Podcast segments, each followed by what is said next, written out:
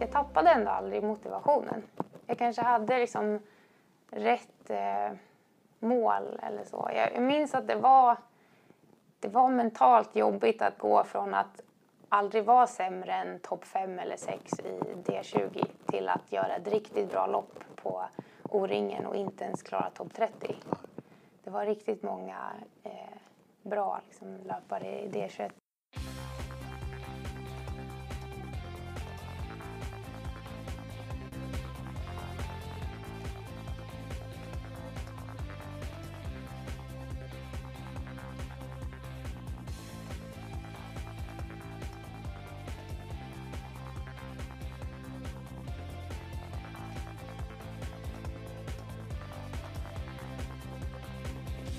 Här är Radio O-ringen Podcast tillbaka. Avsnitt nummer 122 i ordningen. Och eh, den här gången ska ni få träffa Anna Backman, orienterare från Täby och Täby OK ursprungligen. Numera är det ju Täby SOK. Numera springer också Anna då sedan ett antal år tillbaka för IFK Lidingö.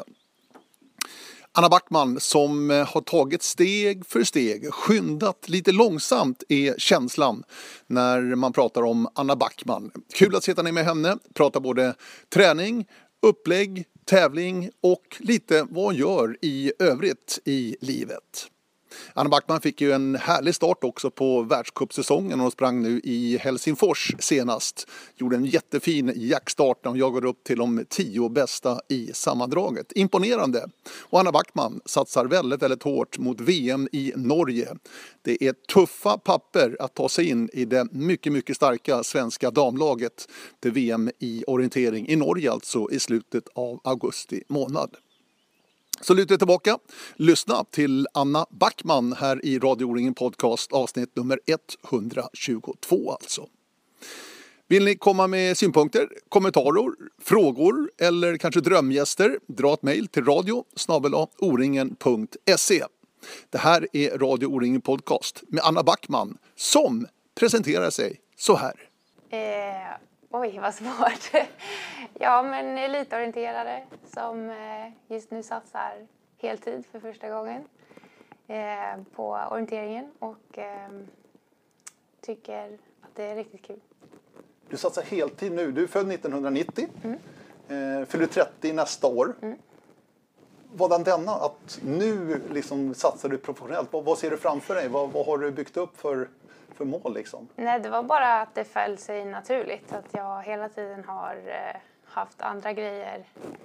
Ehm, det blev också lite heltidssatsning efter gymnasiet. För då ströjobbade jag bara ett år. Så då hade jag några månader eh, eh, fritt. Och då sprang jag också JVM. Så det var väldigt bra tajmat.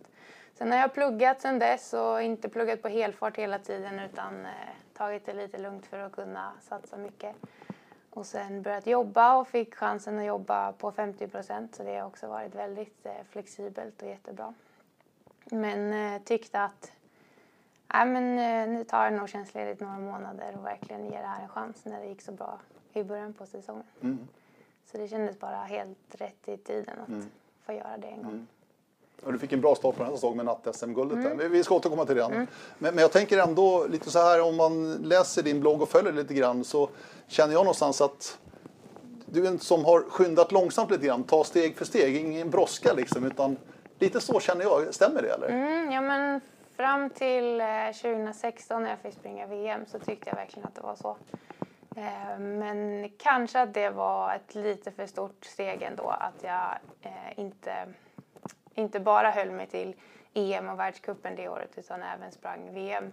Jag, jag var riktigt redo när jag väl sprang eh, men jag fick ju en rejäl svacka året efter eh, och har funderat lite på om det var att jag hade för hög press på mig själv eller trodde att jag skulle hålla den nivån från där.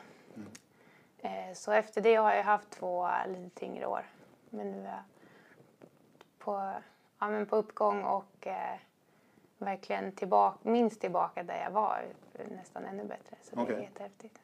Vad är det framförallt du behöver förbättra för att ta nästa steg? Som du ser det?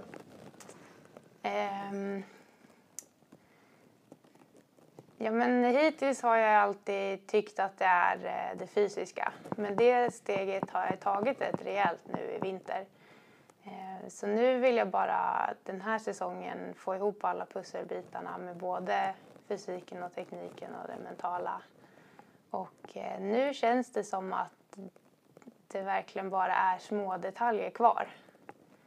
Och det är väldigt häftigt att känna att det är, inte, det är inte stora steg längre som krävs utan nu är jag ganska nära på skogsdistanserna mm. i alla fall. Vilken är den stora fördelen med att kunna satsa då professionellt som du, du gör nu? Vad, vad innebär det? Hur ser dagarna, veckorna ut liksom som heltidsproffs då inom orienteringen? Utan mm. stora pengar naturligtvis, men ändå att ja. du satsar på det fullt ut? Eh, framförallt eh, återhämtningstiden och tiden för att förbereda mig inför loppen. Eh, så jag min flexibilitet i arbetet som jag hade hela vintern har gjort att jag kunnat träna precis enligt plan hela tiden. Jag har alltid kunnat prioritera vilka pass jag ska köra, vilka dagar jag eh, kan stanna hemma och ta det lite lugnare och så. Eh, men jag känner ändå av att det är färre tillfällen man åker ut på den där sena kvällsträningen med klubben och eh, är lite så småseg och så utan nu är jag nästan, nästan hela tiden alert och utvilad och sugen på att träna. Så det är skillnaden. Känner du det också? Alltså du, det är mer harmoni någonstans? Eller? Ja, precis. Balansen. Eh, jag kan laga bättre lunch för att jag är hemma direkt efter träningen på förmiddagen och eh, alltid ha med mig återhämtningsmat, det jag vill äta och sådär. Så pusselbitarna, att få ihop det, liksom, de små detaljerna, de är mm. lättare. Mm. Du, eh, om vi tar det här från början, orientering var det givet för dig. Jag känner ju din pappa sedan mm. gammalt. Jag har faktiskt jobbat åt din pappa en gång i tiden. Det vet du också om kanske? Ja, okay. ja. Eh, han är ju en väldigt välkänd och väldigt duktig kartritare. Mm. Eh, Karl Backman alltså, yes. som är din pappa. Var det givet orientering för dig Anna? Ja, ja. det var det. Har, Inget val eller? Jo, det har jag absolut haft. Men jag har alltid tyckt att det var det roligaste. Jag har en lillebror som inte tyckte att det var det och det var lätt för honom att välja att inte fortsätta när han var liten. Eh, men jag har eh, alltid älskat att vara ute i skogen och tyckt om atmosfären kring orientering. Så till en början så var det bara att få vara ute i naturen, plocka lite blommor under vägen och mm. bara ta sig runt den där banan. Inte särskilt mycket tävlingsfokus. Lite tjuren Ferdinand. Ja, precis. Jag tror att jag har hört en liknelse förut faktiskt. ja. Men eh, ja, ja, det är nog ganska bra. När, när, när kom liksom tävlingen att bli viktig då? Är, liksom, är det en bit upp i åldrarna? Alltså? Mm, det var någon gång 12, 13. När jag var 13 tror jag. Eh, då började jag eh, jag har fått det lite återberättat för mig också, men att, att jag började ställa frågor liksom till mina föräldrar. Att varför är jag så mycket sämre än de andra i klubben som jag tränar tillsammans med och gör samma saker men mycket längre efter på resultatlistan.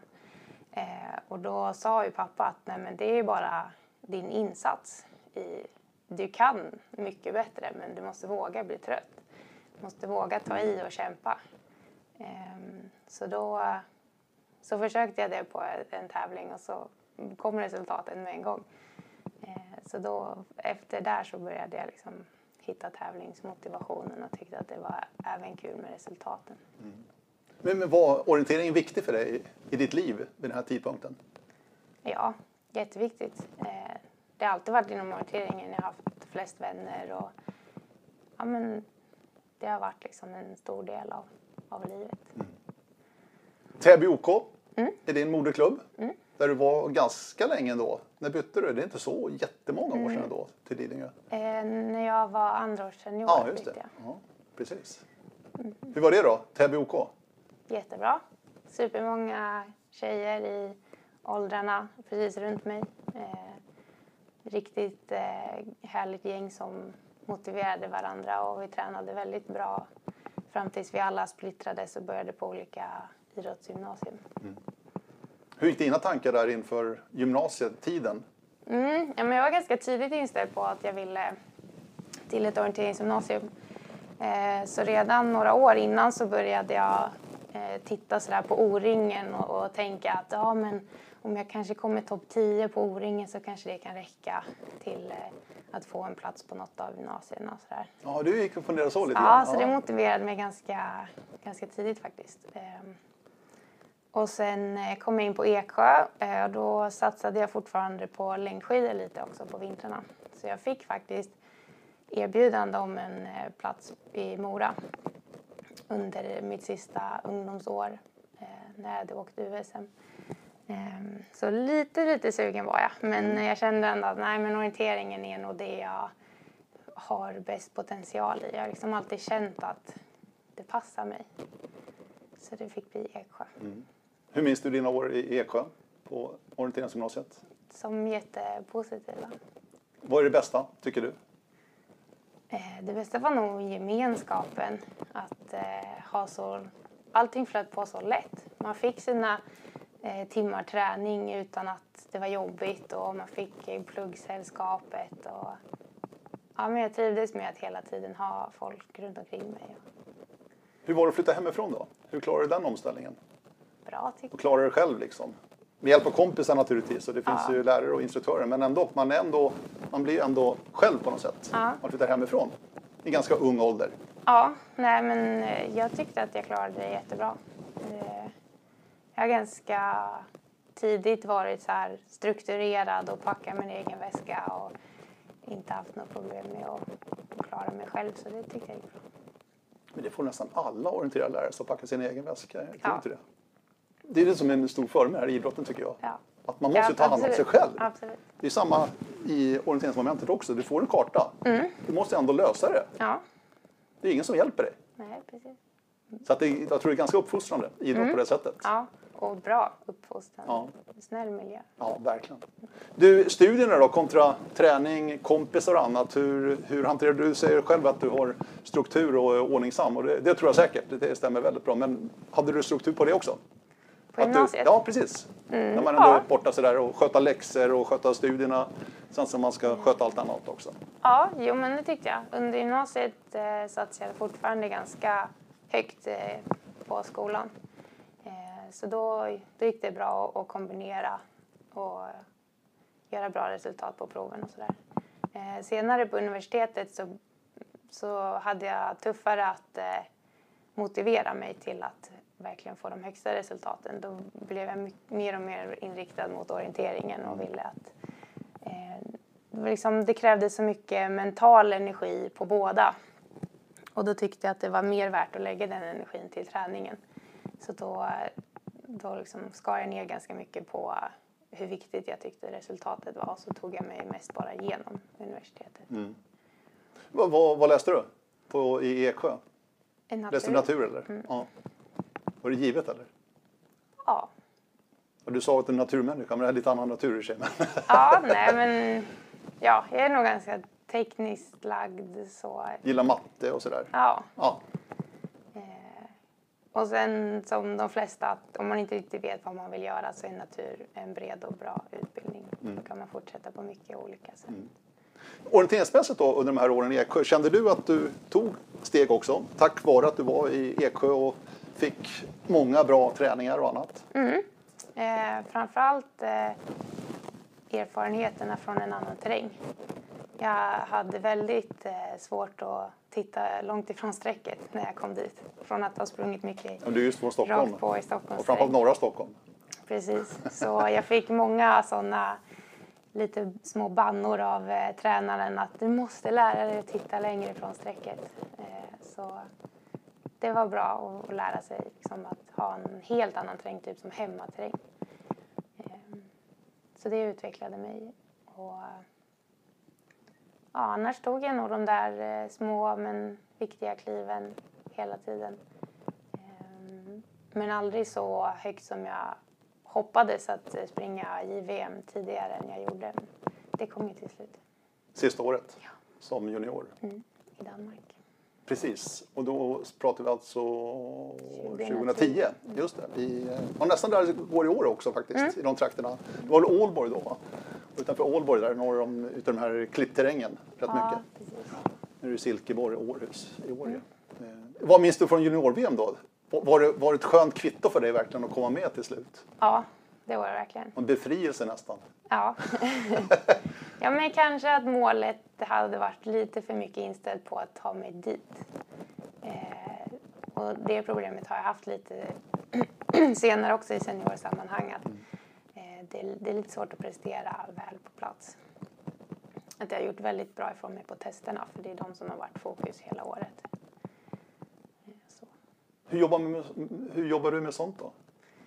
Att, Försöker... att inte känna dig nöjd bara att ta platsen utan det är då man ska leverera. När man väl får platsen, det är då man ska snappa upp ytterligare. Liksom. Ja, precis. Nej, men jag försöker flytta fram min målbild eh, till liksom, som nu i sommar att jag, jag tänker mycket mer på själva VM än vad jag gör på VM-testerna.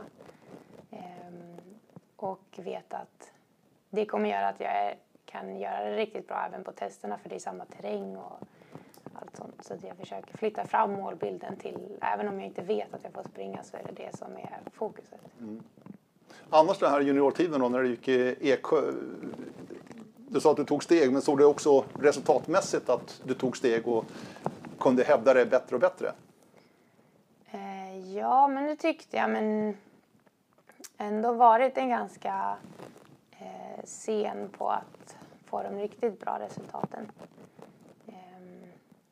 Men eh, jag var väldigt stabil som junior.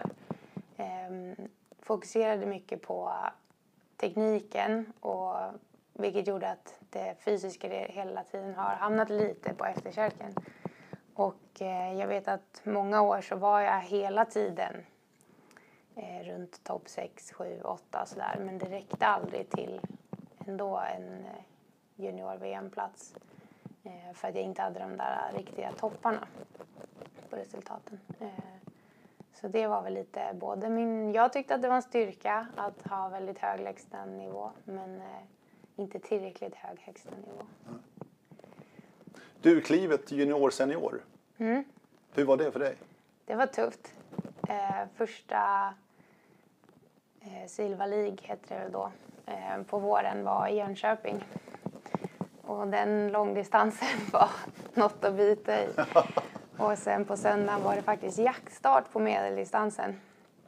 Och eh, vi hade sex kilometer kommer jag ihåg. Så jag bröt den medeldistansen. Att, eh, jag var, jag var sliten? så trött. Ja. Ja. Eh, Så det var, det var ett tufft år men eh, jag tappade ändå aldrig motivationen. Jag kanske hade liksom rätt eh, mål eller så. Jag minns att det var, det var mentalt jobbigt att gå från att aldrig vara sämre än topp 5 eller 6 i D20 till att göra ett riktigt bra lopp på O-ringen och inte ens klara topp 30. Det var riktigt många eh, bra liksom, löpare i D21. Ehm, men eh, jag tror att jag efter det året liksom förstod att ja, men jag får sänka min eh, ambitionsnivå på mina placeringar och så får jag jobba utifrån det här. Och så, så fortsatte jag så. Då, jag hade ju många andra som var födda samma år att jämföra mig med. Jag försökte mera titta på dem och jobba utifrån att eh, ta mig uppåt därifrån. Men det här i Jönköping du pratade om, det måste varit ett otroligt uppvaknande liksom och Ja. inse att oj, Ja, det var det. här räcker inte jag till riktigt. Nej. Jag måste göra någonting åt det här. Ja, och en, en långdistans, eh, var ute så länge och det var riktig berg och dalbana och hur, man, hur jag jobbade, hur jag hanterade det mentalt under vägen. Att Jag kunde liksom tycka att det var riktigt bra stundtals och så helt plötsligt så var jag riktigt nere i källaren mentalt och hade det tufft och så gick det tillbaka upp igen på någon sträcka. Så sånt har jag fått eh, ta med mig och jobba på. Mm. Du, eh, vad tyckte du om beslutet som togs då för en tre, fyra år sedan när damerna också ska ha samma, här i Sverige då på de svenska tävlingarna, det gäller ju inte internationellt men i Sverige, samma segertid, herrar, damer på långdistansen. Jag tycker att det är jättebra. Ja, Eh, Men det är ju min egoistiska egna synvinkel på det. Att för mig passar det att eh, ju längre och tuffare desto bättre. Men jag förstår ju att det är riktigt jobbigt för först då seniorer och även andra som är, längre efter segrarna. Så jag vet inte riktigt. eh, hur går snacket bland, bland tjejerna? Vad, vad är din känsla? Min känsla är nog att de flesta tycker att det är bra. Men jag umgås ju mest med de som är, Mm. Ja, är sant. jämnbra med mig. Ehm, men även andra tjejer i klubben som kan vara en kvart efter och så tycker att eh, det är coolt med utmaningen. Så jag tycker nog att de flesta ser positivt på det. Mm. Du, när jag ringde och eh, bokade in dig för den här podcastinspelningen så hade du varit ute och åkt rullskidor. Mm. Och då liksom bara, va? Rullskidor? Är du skadad? sa jag då direkt. Men det var du, det är du inte. Nej, Berätta, alltså det här med din träningsfilosofi är ju jättespännande. Du, du kör verkligen olika för att, varför då? ja men jag lägger in alternativ träning. eh, Även fast du liksom är fit for fight. Ja, Ja. För att inte åka på någon skada och för att vissa pass är fokus bara att hjärtat ska jobba och då är det bättre att göra det på ett skonsamt sätt. Och eh, helst utomhus för det är ju väldigt mycket roligare och därför väljer jag längdskidor eller rullskidor när det går. Ehm, och annars blir det crosstrainer inne på gymmet. Annars då träningsmässigt, hur pass detaljerad är du när det gäller träning? Anna? Har du någon att bolla med? Hur lägger du upp ditt träningsschema? Och... Jag har en tränare, eh, Helena Janssons tränare Harry Winamäki. Ja, just det. sen i höstas. Så vi lägger upp eh, träningen väldigt detaljerat eh, dag för dag, pass för pass och eh, i ungefär eh, månadsvis. Eh, så att man eh, kan ha lite framförhållning men ändå eh, förändra lite om det behövs och beroende på vilka tävlingar man ska springa och så.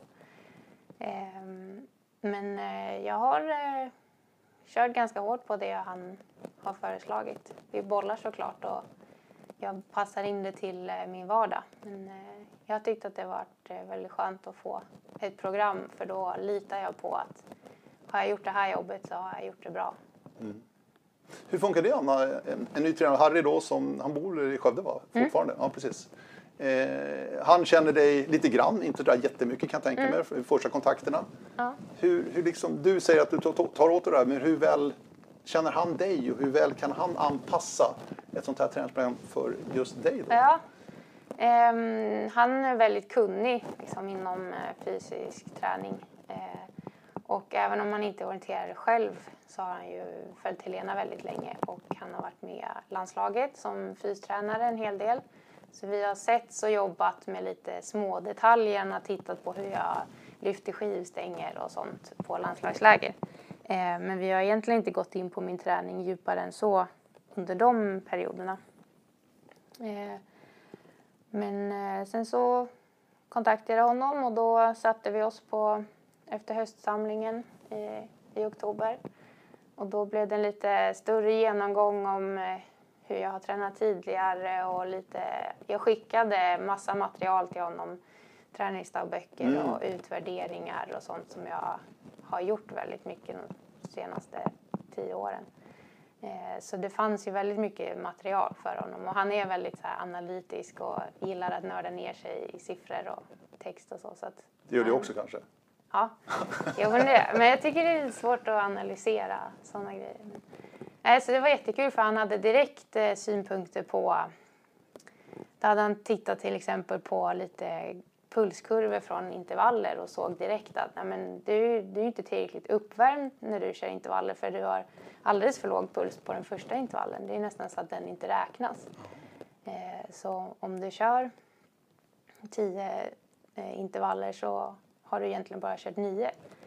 Eh, så en sån liten detalj som jag har kunnat ta med mig i år och, och verkligen gjort att jag kanske har höjt eh, snäppet på intervallerna även om jag har kört samma sak som innan men att det har blivit lite bättre från start och så. Men det här med att du vill köra rullskidor, allt det här alternativ också, har Harry tagit till sig av det också så att säga, när det gäller träningsupplägget? Ja, men han är ganska flexibel i vad jag gör. Eh, så det, det heter mer uthållighet 90 minuter. Eh, ibland har han själv skrivit in alternativ uthållighet 90 minuter. Men då bestämmer jag själv vad det är jag, vad jag kör. Eh, och eh, han är också väldigt tydlig med att eh, jag bestämmer hur mycket skog jag kör kontra asfalt och sådär. Så då skriver han bara just de här eh, här är intervaller, här är uthållighet och så bestämmer jag själv om jag gör det OL-intervaller eller en stafetträning eller om det är på löpbandet. Eller så. Eh, men sen eh, är jag lite osäker och så, då bollar jag ju med honom Mm. och frågar och så har han en idé om vad som kan vara bäst. Mm.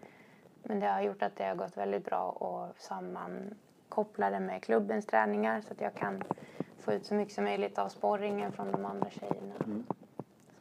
Men annars, eh, för att orientera dig, om vi bortser från sprinten då som är stadsmiljö, men annars är ju skogen vårt element. Mm. Tränar du mycket skog? Lägger du vikt vid det eller är det inte viktigt för dig? Jo, jag tränar mycket i skog. Men jag, jag tror inte att jag är den som tränar mest teknik och orienteringsteknik. Ehm, Men jag har hittat en nivå som funkar för mig och så kör jag på det. Mm. Jag tror också att jag, jag, har, jag har tränat väldigt mycket skog eh, i mina unga år. Ehm, och eh, det har både varit en fördel och en nackdel för att jag har, jag har fördelen av att jag är väldigt stark i skog och jag har bra tekniska förmågor men jag måste kämpa med det, det fysiska och det hårda underlaget och att hitta löptekniken på hårda underlag för de har jag inte fått med mig från de unga åren för att jag har aldrig sprungit liksom Lid- Lidingöloppet när jag var liten eller löplopp eller sånt. Nej. Jag har hållit mig till skogen. Ehm, så jag tror att det, eh, nu behöver jag hitta en balans där jag springer mer på hårt underlag för att öva upp den sidan också. För att förbättra dig och bli, eh, som vi var inne på tidigare, ta, ta nästa steg. Innebär det också att det krävs mer träning eller det krävs det annorlunda träning? Då har du liksom hittat en tränare, en, bollplank Mm. eh, med lite nya idéer och sådär. Vad krävs för att ta det? Är det, just, är det mer träning det handlar om alltså? Nej, jag tror att det handlar om förändring i träning.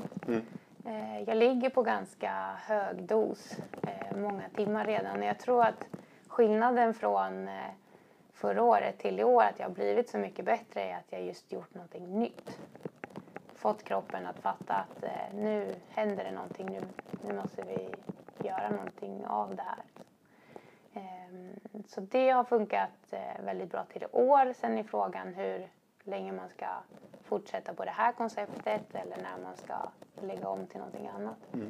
Men det tror jag är en nyckel att man, man ska köra på sitt koncept så länge man ser utveckling av det. Och sen ska man våga byta.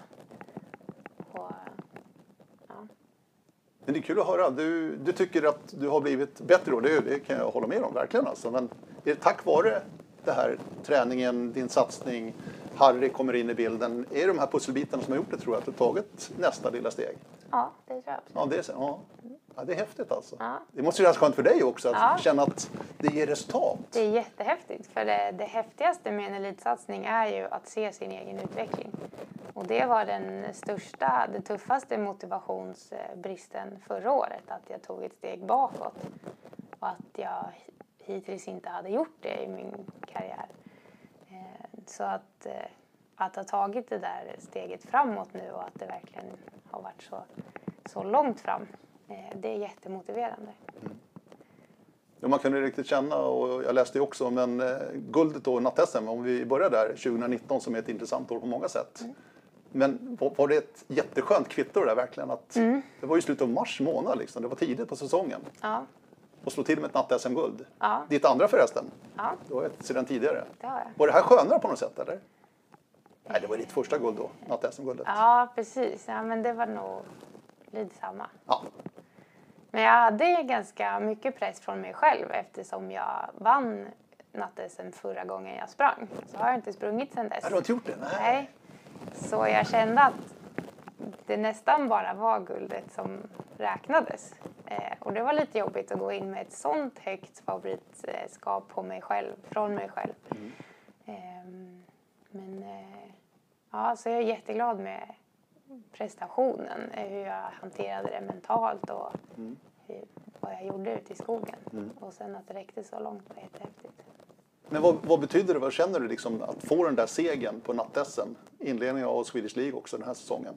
Betyder det mycket för dig för fortsättningen också? Känna att, ja, Det var jätteinspirerande att veta att den, den här prestationen som jag gjorde ute i skogen nu, den räckte så här långt. Då vet jag vad grunderna är och vad jag kan jobba vidare på. Att jag verkligen kan ha ett lugn med att min fart eh, räcker till väldigt väl. Och det är tekniken som fortfarande är det viktiga att fokusera på. Du, nattorientering. Mm. Du springer inte så ofta alltså, om jag förstår rätt? Jo, Ja, du gör det? ja, det tycker jag är jättekul. Ja. Sprungit eh, massa andra sträckor på Jukkola efter Vendlakaven. För andra sträckan är den enda som är mörk. Så jag försöker alltid paxa den. Ja, okej. När vi, har, vi har haft damlag med Lidingö ganska många år. Mm. Eh, det är nästan årets häftigaste upplevelse alltså, att springa den där andra sträckan. Vad är det med nattorientering som lockar dig då, Anna? Eh, att det är svårare. Ja. Tekniken, man sätter verkligen press på det. Och, En större utmaning på något sätt? ja. Det är jättehäftigt. Ja. Och känna att man kan kontrollera det och hantera det. Mm. Ja, det är häftigt. Ja, jag håller med dig, nattorientering är ju fantastiskt roligt. Ja. Därför man kan verkligen springa fort när det är runtvägval vägval och stigar. Och, men sen är det riktigt vikt, ja, viktigt att bestämma liksom, vilken plan man ska ha för sträckan. Och, man måste göra allting rätt. Det är liksom inte, ibland i, på dagen så kan man råka, råka glömma något moment och så löser det sig ändå. Men det är oftare det inte löser sig på nattorientering. Om man glömmer bort något. Vi var inne på det initialt här. Eh, 2019 är ju ett VM-år nu enligt det nya systemet. Mm. Skogs-VM varannat år och ett urbant sprint-VM då varannat år. Vad tycker du om det nya upplägget förresten vad gäller VM som IOF tog här för några år sedan? Jag har nog inte funderat så mycket på vad jag tycker för jag måste bara anpassa Ja, mig okej. till läget. Men eh, ja, det, jag tycker att det är kul att det är ett skogs-VM för då det blir mycket fokus på det och det kommer bli riktigt bra terräng och banor för att arrangörerna bara behöver bry sig om skogsdistanserna. Det kommer också bli mycket tuffare att få en plats i laget. Eh, Så det är både för och nackdelar. Jag tycker lite synd personligen. Mm. Jag, jag gillar att ha hela brickan. Liksom. Ja, Att man får se alla discipliner och Mm. samma vecka. Kan jag tycka. Men eh, nu, nu är det som det är. Mm. Och att VM går i Norge då 2019. Det har också varit en del av den här satsningen förstår jag. ja, Någonstans där borta i fjärran. Nu är det inte så långt bort i och för sig. nej. Nej. Nu är det snart här. Ja, precis. Men Ja. hur mycket har du tänkt på det? VM i Norge? Mycket sen i höstas. Och eh, ja, men hela förra året också när eh, jag kände att jag inte alls var nöjd med 2017 och så även 2018 började riktigt knackigt och eh, jag tog mig inte till EM vilket var målet för vårsäsongen. Och jag hade rejäla problem med motivationen under, under våren. Men då, det var ändå det var VM i Norge som var räddningen. Att jag visste att det är lång tid kvar dit. Jag har verkligen tid på mig att göra någonting bra fram tills det. Och det är verkligen en terrängtyp som jag gillar och känner mig stark i. Det är nog de flesta svenskarna känner att eh, det där är någonting för mig. Ja, Tror du inte det? absolut. Och det är inte så långt ifrån Strömstad där du sprang VM då, 2016. det är Precis, det på andra har gränsen. också varit en sporre. Ja. Jag vet att jag kunde göra det bra där. Så. Vad minns du från VM i Sverige? Du sprang två distanser där, medel och lång. Efter att eh, Helena inte kunde springa långdistansen så fick jag den chansen också. Vad minns du? Hur var det där då, liksom, att få dra på sig landslagskläderna och springa ett VM? Det var Kändes det overkligt eller kändes det bara kul? Eller var det nervöst? Spänt? allt, Allt? allt av dem. det Ja, kändes självklart. overkligt men det var ändå också precis som vanligt. Samma rutiner, samma process, karantän, ute i starten, samma ledare som på andra världscuper. Eh, starten ser likadan ut, banan ser likadan ut. Så det var... Eh, ja, men det var speciellt, men ändå precis som vanligt. Mm. Men visst ändå, man känner ju, det måste ju ni känna som springer, det är ändå det är ett VM någonstans. Absolut. Det är det största man kan vara med om som orienterare. Ja. Det är jättehäftigt och jättekul och jag njöt hela veckan av att få vara där. Få uppleva det och just att det var i Sverige också att det var extra mycket fokus på det. Och, ja. Härliga folkfester, det var mycket publik och sådär. Mm. Känns det också spännande och roligt att få liksom, uppleva det med de här fantastiska arenorna med mycket folk? ja, verkligen. Ja. Jo, några av de häftigaste orienteringsögonblicken man har är ju just när det är mycket publik och mycket folk. Som O-ringen-sprinten till exempel. Det, det ger ju en extra dimension till det. Vi är ju väldigt ensamma annars ute i skogen så det, det är häftigt när man får komma in på sådana arenor. Men leveransen då, dina resultat där under VM i Strömstad. Mm.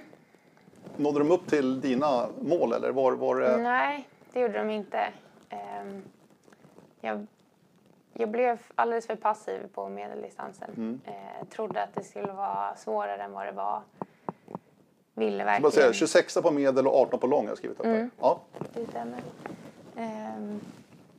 Ja, men jag ville verkligen eh, göra ett bra tekniskt lopp för att jag, jag visste att det var det enda jag kunde påverka. Men ja, det gjorde mig som sagt för passiv. Att eh, jag var rädd för att göra misstag för att jag visste att det var det jag skulle vara missnöjd med efteråt. Och ändå så är jag missnöjd efteråt utan att ha gjort misstagen. Nej. För att jag vet att jag hade kunnat köra på hårdare och, och göra det bättre. Det blir lite handbroms på något sätt. Ja. Liksom man, man safear lite. Så Ja. vågar inte liksom trycka på. Nej, precis. Jag säger inte chansa för det gör man sällan men ändå trycka på lite mer. Ja. Mer offensiv, mer ligga längre fram. Men vad berodde det på? Var det det att det var ett VM liksom? Att Mm, du ville inte göra det. bort det eller vadå? Ja, Ja. jag tror det. Det är spännande sånt där. Ja. Det var ditt första VM också. Ja, Så man lär sig mycket ja. erfarenhetsmässigt. Första VM, första starten. Mm. Eh, så det var jättekul att få en chans på långdistansen sen. Eh, och få göra det igen. Men eh, jag hade tyvärr inte hunnit förbereda mig riktigt så väl som jag hade velat eh, med kartor och långsträckor och sånt i förväg. Eh, så det var riktigt tufft den där långsträckan till tvåan. Eh, det tog jättelång tid innan jag kunde bestämma mig och jag tappade väldigt mycket tid på den sträckan. Eh, så egentligen är jag jättenöjd med loppet eh, förutom, förutom just den långsträckan. Då. Och eh, att det hade kunnat räcka till en riktigt bra placering om jag hade haft eh, bättre tid där. 18 som sagt var, det är inte fy skam. Nej, Det är absolut. verkligen inte. Nej, det är bra. Men eh, Jakob, du hann inte förbereda dig för långsträckor. Berätta, vad, vad handlar det om, de här förberedelserna som, i och med att du varit inkastad rätt sent på långdistansen, att du inte riktigt var med i det. Vad, vad handlar det om, Anna? Att eh, vi jobbar väldigt mycket ihop i det svenska laget att diskutera, långs, eh, planera hur, hur banläggaren skulle kunna lägga banorna, vart vi tror att starten kan vara. Vi tror att det kommer vara varvning och allt man kan få ut av bulletinen. Eh, och sen eh, diskutera tillsammans att ja, men om strecket skulle kunna se ut så här, vad tror vi då är det bästa? Ehm, och att göra det tillsammans med laget kan ge väldigt mycket information för det kan vara saker man inte tänker på själv och sådär. Eh, och de, de eh, mötena hade jag inte varit på då eftersom jag fokuserat på medeldistansen. Ehm, sen är det inte säkert att jag hade haft bättre koll på just den långsträckan eh, ändå. Men kanske att jag hade funderat lite mer över hur långt extra kan man springa på väg, räkna lite på kilometertider och sådana grejer så att man ändå är lite förberedd på att ja, men jag kan springa så här mycket längre om det är ett runt vägval mot att gå över höjderna och sådär. Hur ofta gör ni sånt här? Det är bara stora internationella tävlingar eller jobbar du på samma sätt när det ett SM till exempel här i Sverige? Mm, då får man göra det själv eller med klubben. Ehm, men jag försöker, eh, finns det gamla kartor så tittar jag på dem och, och försöker förbereda mig mentalt hur jag tror att eh, terrängen kommer se ut och så. Jag lägger inte jättemycket banor, det gör jag inte, utan det är mer att jag Försöker bekanta liksom med Ja. området. Ja. och, eh, så att det blir lättare att hamna i bubblan sen på tävlingsdagen. Men om vi backar till långdistansen där i Strömstad igen. Eh, vad jag har hört från flera så var det många som var överraskade att starten var på arenan. Det hade inte de riktigt listat ut faktiskt. Nej, jag kommer inte ihåg Nej, om, men- jag, Nej, om jag visste det eller inte innan. nej. För att det, det, vill man ju inte liksom avslöja innan var starten är i och med att ni lusläser ju bulletiner och annat som du Ja. var inne på där. För att försöka hemlighålla sånt. Men starten var ju på arenan men det var ju en Mm. passering också. Det var ju både och faktiskt på långdistansen där. Ja, den är mäktig den här långsträckan. Ja. Eh, för er som vill gå in och kika på, finns på nätet. Eh, riktigt häftig långsträcka. Var det några, framförallt rysker var det som sprang runt vägen Ja. Mm. till höger där. Det var ett jättelångt runtvägval men det var inte så dumt. Nej, det var snabbt. Gempele sprang väl där, tror jag. Eh, och var rätt snabb på den sträckan. För det var ju rätt knöligt. Man fick ju trixa på liksom. Ja, precis. Och det Svårt var att hitta en del riktigt bra stråk. ja, passager och det blev ganska mycket kartläsning även rakt på. Exakt. Det tog lite extra tid. För det är också någonting som ni väger in i elitorienterare. Att man, får man längre löpsträcka kan man läsa in också lite grann framöver och planera och, och fundera på hur man ska lösa sådana eh, fram, eh, grejer framöver. Mm, absolut. Ja. Jaha, det var VM i Sverige alltså. Och nu är VM i Norge. Och nu är det tester som är väldigt viktiga Ja. i Norge. Hur preparerar du för det? Eh, vi var på läger nu med landslaget eh, för någon vecka sedan. Och eh, ja, det, jag har varit där flera gånger med klubben och jag var på Euromeeting så det känns som att eh, jag har bra koll på, på terrängen och kartritningen. Och, ja, men jag tyckte att många, många bitar stämde nu på lägret senast så jag har ett stort lugn över att jag tycker att allting stämmer med så som jag vill göra det. Mm. Men det, det som du är inne på, eh, det är ju tre platser. Mm. Det är tre svenskor och tre svenskar som får springa. Om man inte har en regerande världsmästare. Eh, och det har vi jo det har På vi. långdistans. På långdistansen har vi det, precis. Eh, Tove vann ju. Men dock inte medeldistansen. Nej. Det var Sara nära istället. Verkligen. Men det är tufft att ta sig in på ett svenskt lag. Ja. Med den konkurrensen som är. Ja. På, på damsidan framförallt är det ju stenhårt. Mm. Vad känner du inför det då? Jag kan bara göra mitt bästa. ja, så är det ju. Och eh, jag tror på att det kan räcka långt. Häftigt. Mm. VM i Norge alltså i slutet på augusti månad. O-ringen var du inne på. Mm. Hur viktigt har det varit för dig i livet? Jätteviktigt. Jaha. Hur länge har du sprungit? När sprang du första? Kommer du ihåg det? Eh, ja, i eh, Skara. 02 Mm. kanske. Stämmer bra det. Skara, Skövde. Ja. Skaraborg, precis. Och sen har jag varit på alla Oj! sen dess. Men i Sälen 2016 sprang jag bara några få etapper för att det var inför VM. Mm. Är det någonting du vill vara med på? Man vill inte missa O-ringen eller? Nej, det är, det är väldigt kul. Det är väldigt härlig atmosfär. Det är oftast väldigt fin terräng. Och, ja, men jag gillar eh, fler dagars tävlingar också. Mm. Eh, Jag tror också att det passar mig att alla blir tröttare och tröttare. Men så får man eh, satsa det där sista extra på Mm. sista dagen. Hur blir det sommar då? Norrköping? Jag är anmäld. Du är anmäld? Ja, trevligt. Damklassen ser fantastiskt bra ut. Mm, Det kul. blir riktigt, riktigt bra. Alltså. Ja. Ja, det ser jag verkligen fram emot också. Ja. Eh, du, på din eh, fina hemsida Mm. så skriver du så här. Älskar livet, naturen och nya utmaningar. Det är liksom som något litet motto för dig. ja, lite grann. Ja, precis. Vad är det du älskar med livet? Eh, ja, alla möjligheter och glädjen att få hålla på med det jag älskar. Springorientering.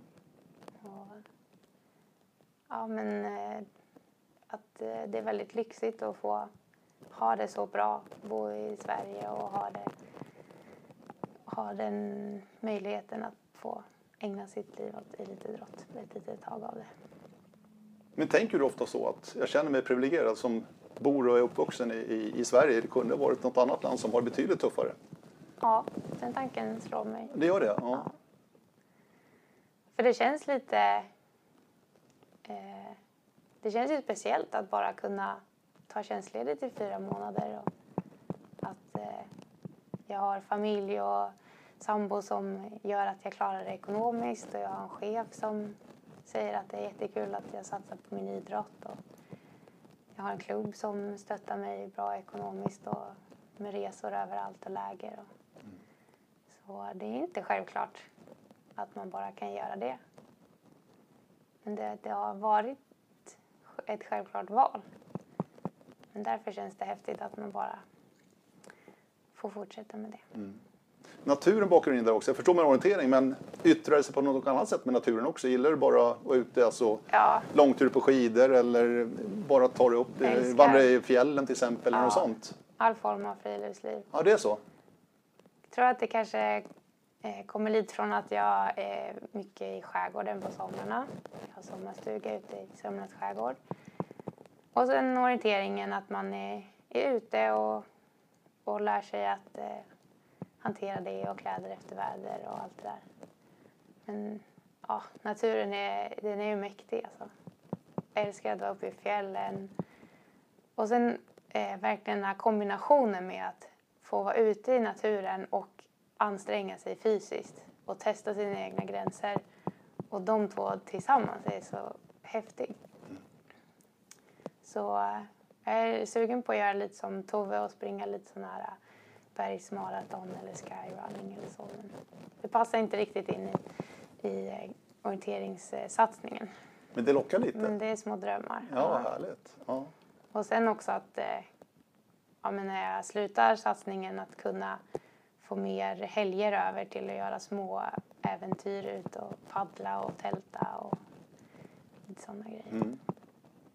Har du några favoritplatser uppe i de svenska fjällen?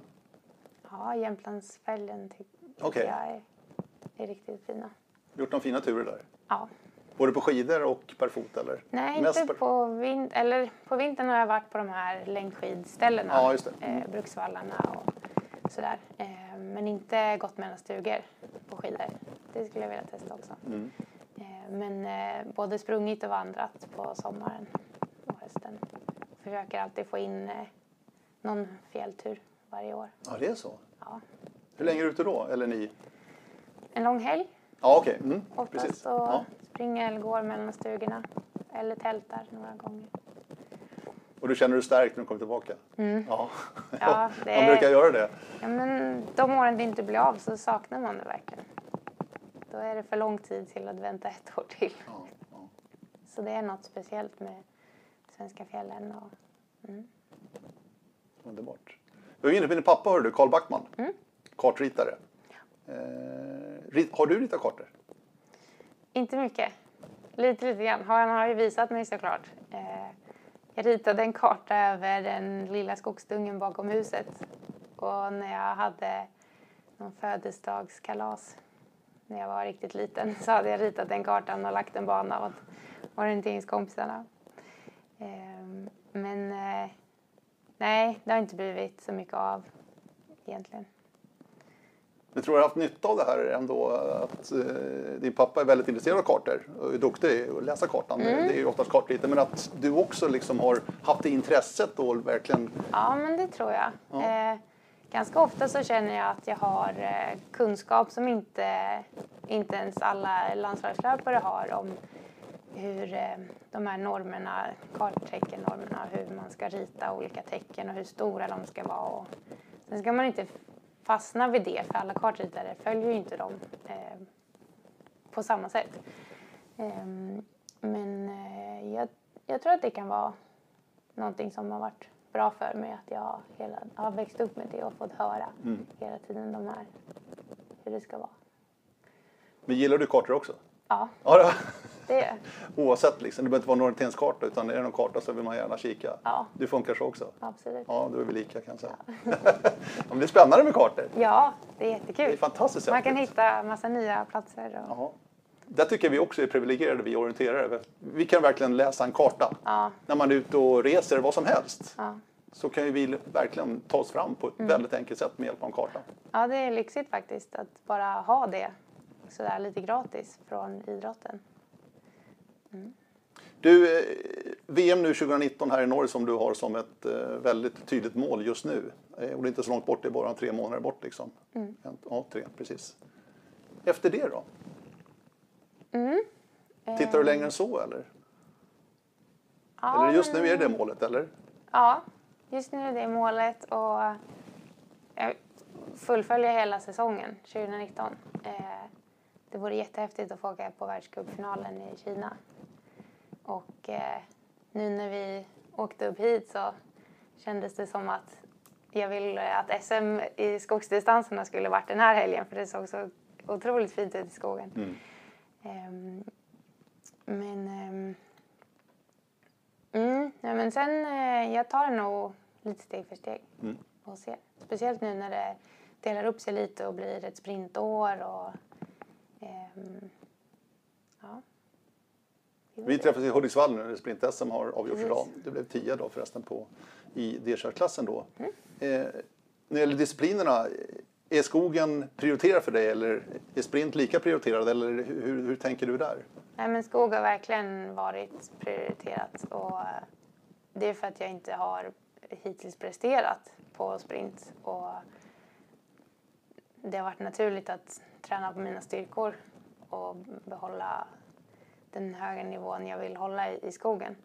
Eh, men från i år så känner jag mig lite sugen på att eh, verkligen öva upp sprinten nu när jag tagit så stort kliv fysiskt. Att nu har jag ändå chansen så nu är det mest det tekniska jag ligger bakom. Att jag inte springer så mycket sprint och tränar så mycket på det och sådär. Um, så det ska, det ska bli jättekul att springa, förhoppningsvis springa sprintstafett på världscupen nu i Finland och få testa mot det internationella motståndet även i sprint. Mm de eh, sprintar jag har kört på världscupnivå har varit väldigt roliga för det, då lägger de ju väldigt mycket tid på banorna och sådär. Um, när jag var junior så tyckte jag inte att sprint i Sverige var särskilt roligt. Det är lite för mycket bostadsområden och mycket löpning och så. Men eh, det har verkligen utvecklats. Mm. Idag var det riktigt kul banor. Mm. Det är en ganska fyrkantig, klassisk svensk stad med fyrkantiga kvarter. Ja. Men ändå väldigt, väldigt utmanande. Ja det, det är bra den här nya trenden med, med staket ute och sådär. Så äh, ja, men, äh, jag har lite nytändning på sprint. Mm. Men skog är fortfarande det bästa. Mm. Tycker du, fler tycker har det, i och med att sprinten har utvecklats som den har gjort, så blir det nästan lite två olika idrotter. Mm. Fast i orientering bägge två. Mm. Men det krävs en annan teknik för att fixa sprintkartan till exempel. Som ja. är, det är 4000 delar men det går knappt att se i vissa lägen. Mm. Så att det är en helt annan sak egentligen. Ja, ja verkligen. Och det är kanske det som har gjort att eh, jag inte riktigt har orkat fokusera på båda två. För då krävs det väldigt mycket energi att bli riktigt bra i, i bägge. Um, men det är många som klarar det så att, eh, det borde gå att öva upp. Mm. Spännande. Du, vi får se om det blir en plats i Norge då i augusti, mm. Anna. Vi får se. Vi håller tummarna. Tack. Verkligen. Eh, och tack för besöket. Mm. Supertrevligt verkligen. Anna Backman alltså, IFK Lidingö här i Radio O-ringen Podcast. Ni gärna av er med önskegäster och eh, andra kommentarer. Radio o-ringen.se är adressen. Vi säger tack och bock för idag. Hej då!